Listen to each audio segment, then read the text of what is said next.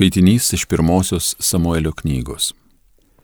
Prie Saulius atvestas Dovydas jam pasakė, dėl to filistiečio niekam nereikia nusiminti, išeis tavo tarnas ir kausis su juo. Saulius prieštaravo, gi tu negali išeiti prieš tą filistietį ir kautis, esi dar jaunuolis, o jis nuo jaunystės kariūnas. Dovydas Sauliui kalbėjo, Ištraukęs mane iš lokio ir liūto letenų viešpas išplėš ir iš to filistiečio rankų. Ir Saulis Dovydui tarė, eik, viešpats tiesie su tavimi. Dovydas pasiėmė lasdą į ranką, išsitraukė iš upelio penketą apvalių akmenų ir įsidėjo į savo piemenautinį krepšį. Paskui paėmęs į ranką laidyklę, išėjo ant filistiečio. O tas vis artėjo prie Dovydo Jo ginklanešys žygiavo jam priešais. Filistietis žvelgia į Dovydą kupinas paniekos, mat Dovydas buvo labai dar jaunas. Jis buvo šviesia plaukis, stotingas. Filistietis jam tarė, argi aš šuo, kad tu prieš mane ateini su lasda? Jis keikė Dovydą savo dievaičiais ir šaukė, na eikš, numesiu tavo kūną padangių paukščiams ir laukų žvėrims sudraskyti.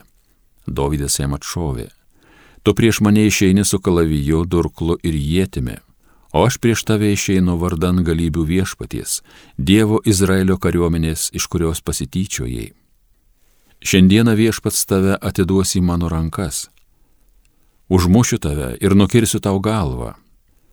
Dar šiandien filistiečių kareivių lavonus aš atiduosiu padangių paukščiams ir laukų žvėrims sudraskyti, kad visas pasaulis suprastų, jog Izraelyje esama Dievo. Visi, kurie čia susirinkę, turės suprasti, kad pergalę viešpat suteikia ne kalaviju ar jėtimi. Tai viešpaties karas ir jis atiduos jūs į mūsų rankas.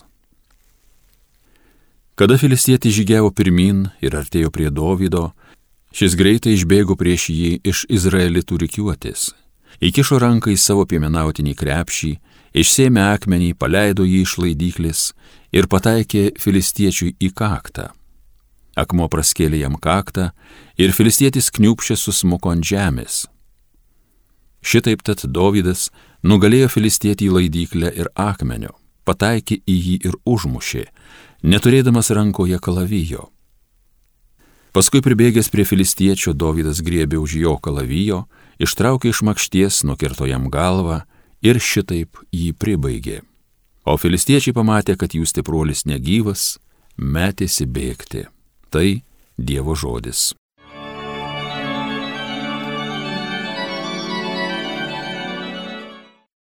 Šlovė viešpačiui mano tvirtoviai.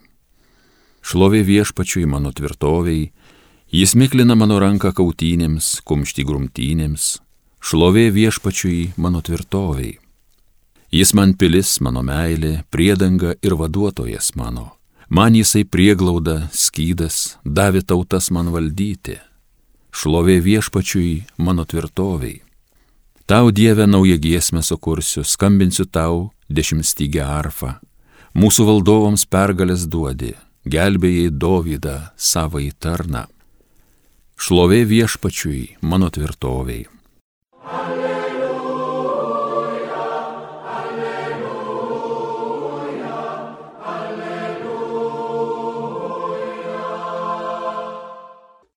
Jėzus skelbė karalystės evangeliją ir gydė žmonėse visokias ligas. Alleluja, alleluja, alleluja. Iš Evangelijos pagal Morku. Jėzus vėl atėjo į sinagogą, o ten buvo žmogus su padžiūvusi ranka Fariziejai stebėjo, ar jis gydys jį šabo dieną, kad galėtų apkaltinti. Tuomet Jėzus tarė žmogui su padžiūvusia ranka - stok į vidurį. O juos paklausė, ar šabo dieną leistina gerą daryti ar blogą, gelbėti gyvybę ar žudyti. Bet anie tylėjo. Tada rūščiai juos apžvelgęs, ir nuliūdęs dėl jų širdies kietumo, tarė tam žmogui. Ištiesk ranką. Šis ištiesė ir ranka atgyjo. Išėję fariziejai to jau ėmė tarti su erodininkais, kaip Jėzų pražudyti. Tai viešpaties žodis.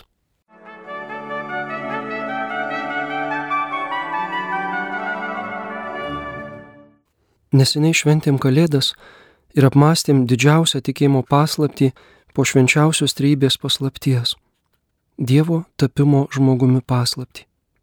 Paprastu žmogumi, kaip ir mes. Ne ant žmogių ir ne pusdievių. Šis naujojo testamento, naujosios sandoros įvykis esmingai pakeitė ne tik žmogaus santykių su Dievu, bet ir žmonių tarpusavio ryšį. Iš Dievo tapimo žmogumi kyla kiekvieno žmogaus lygus garbingumas. Dievo sūnus tapę žmogumi moko mus Dievui sakyti tėvę, o kitą žmogų priimti kaip brolį. Jis moko, kad moralės viršūnė yra meilė Dievui sujungta su meilė žmogui. Ir jos negalima atskirti. Dabar Dievo meilę įvykdai mylėdamas ne tik Dievą, bet ir žmogų. Dievo nusižeminimas parodė, koks didis yra žmogus ir koks brangus jis Dievui. Žvelgdamas į kiekvieną žmogų, Dievas mato savo sunaus žmogystę. Ir štai karas, jau porą metų keičiantis mūsų sąmonę. Reikia, kad žūtų kuo daugiau rusų kareivių, sako per radiją. Spontaniškai pritari tai minčiai. Raketa pataikė į karinį objektą, sunaikinta tiek priešo technikos, ir tiek gyvosios jėgos. Nejučia pasidžiaugia. Tuoj išmoksim džiaugtis, kaip sproksta priešo miestai ir žūsta civiliai. Kažkokia velneva, grinas velniškas džiaugsmas - supriešinti nekaltų žmonės, kad jie žudytų vienas kitą. Erichas Marija Remarkas, pats išgyvenęs pirmojo pasaulinio karo absurdą, aprašo dviprasmišką įvykį. Fronto bičiulis nušauna vyrą, užklupęs jį su savo moterimi. Teisme jo klausia, ar nesate anksčiau ką nors nužudę? Aš esu nužudęs daug žmonių. Kaip tai, suklūsta teisėjai. Per karą nušoviau daugybę kareivių. A, tai čia nesiskaito. Bet tie vyrai, priešingai nei šis, man nieko blogo nebuvo padarę. Argi ne absurdas, kad vieni kitų žudo žmonės, nieko blogo vieni kitiems nepadarė. Salezietis kunigas Kazimieras Bėkšta, tarnaudamas Brazilijoje, bendravo su tenykštėm tukanų ir jenomanų indienų gentimis. Juose dar egzistuoja kanibalizmas. Žinoma, ne ta drastiškiausia forma. Vieni valgo savo artimųjų pelenus, kiti tam tikrų švenčių metu mala ir valgo artimųjų kaulus.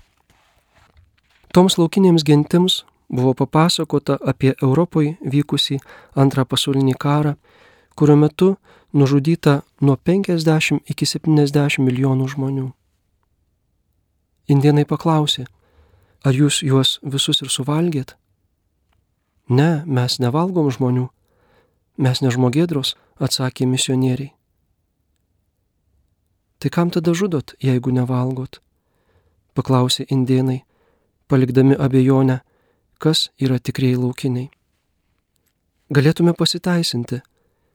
Tokios aplinkybės. Jei pastebėjot, aplinkybės yra dažniausias mūsų pasiteisinimas. Dabar karas, reikia sustabdyti agresiją. Taip, viskas taip. Ir bažnyčia kalba apie teisėtą gynybinį pasipriešinimą ir Dovydas, vyras pagal Dievo širdį, nužudė Galijotą. Bet pats žudimas ir karas nėra pagal Dievo širdį. Ir Naujajame testamente nerasime nei vienos Jėzaus ar jo mokinių palaiminto žmogžudystės. Kas Senajame testamente vyksta fiziškai, pranašauja, kas Naujajame testamente įvyks dvasiškai. Ir Dovido pergalėje prieš Galijotą galim išvelgti pažadėtą gėrio pergalę prieš blogį, ar net paties Jėzaus pergalę prieš šetoną. Kaip ir pažado žemės ieškojimas Naujajame testamente jau yra ne geografinis, bet dvasinis Dievo karalystės ieškojimas. Evangelijoje pastatydamas į vidurį žmogų, padžiūvusią ranką, Jėzus kartoja mums primirštą Kalėdų pamoką. Centre yra žmogus. Dievo mylimas žmogus. Ne įstatymas, ne tora, ne moralė, net ne šventasis raštas. Centre yra žmogus. Dievas ir žmogus, jei neaišku. Sužeistas žmogus, kurį kita kelio pusė apeitų kuningas ir levitas, drebantys dėl įstatymo. Centre yra žmogus ir žmogiškumas, nei daugiau, nei mažiau. Evangelistas Morkus pastebi rūstų Jėzaus žvilgsnį. Nedaug, bet trūksta, kad jis imtų vartyti stalus kaip šventykloje.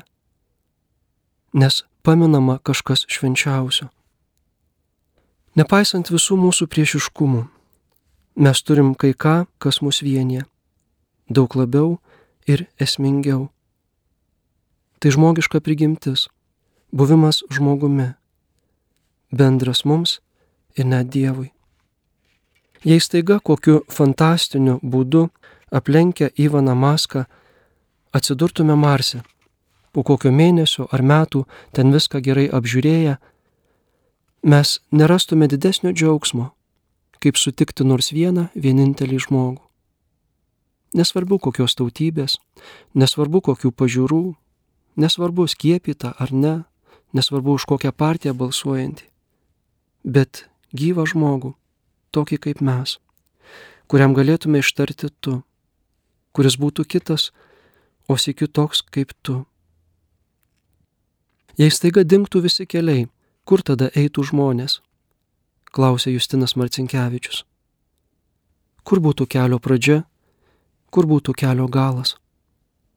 Eitų žmonės vienas prie kito, be kelio, be tako eitų. Žmogus būtų kelio pradžia, žmogus būtų kelio galas. Ir visgi, progresyviųjų katalikų liūdėsiui, pasaulio neišgelbės vien žmogiškumas. Patikrintas reikalas. Pasaulio neišgelbės centre pastatytas žmogus. Virš įstatymo, moralės, virš šventojo rašto. Pasaulį išgelbsti vienintelis žmogiškumas. Ištikimas Dievui iki mirties ant kryžiaus Jėzaus žmogiškumas mus gelbsti.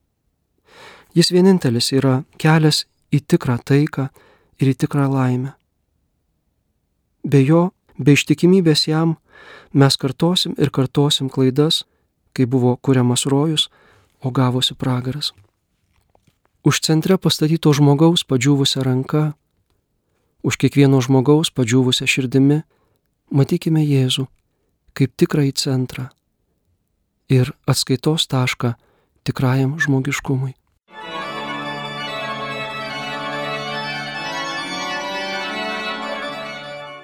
Homilija sakė kunigas Mindaugas Martinaitis.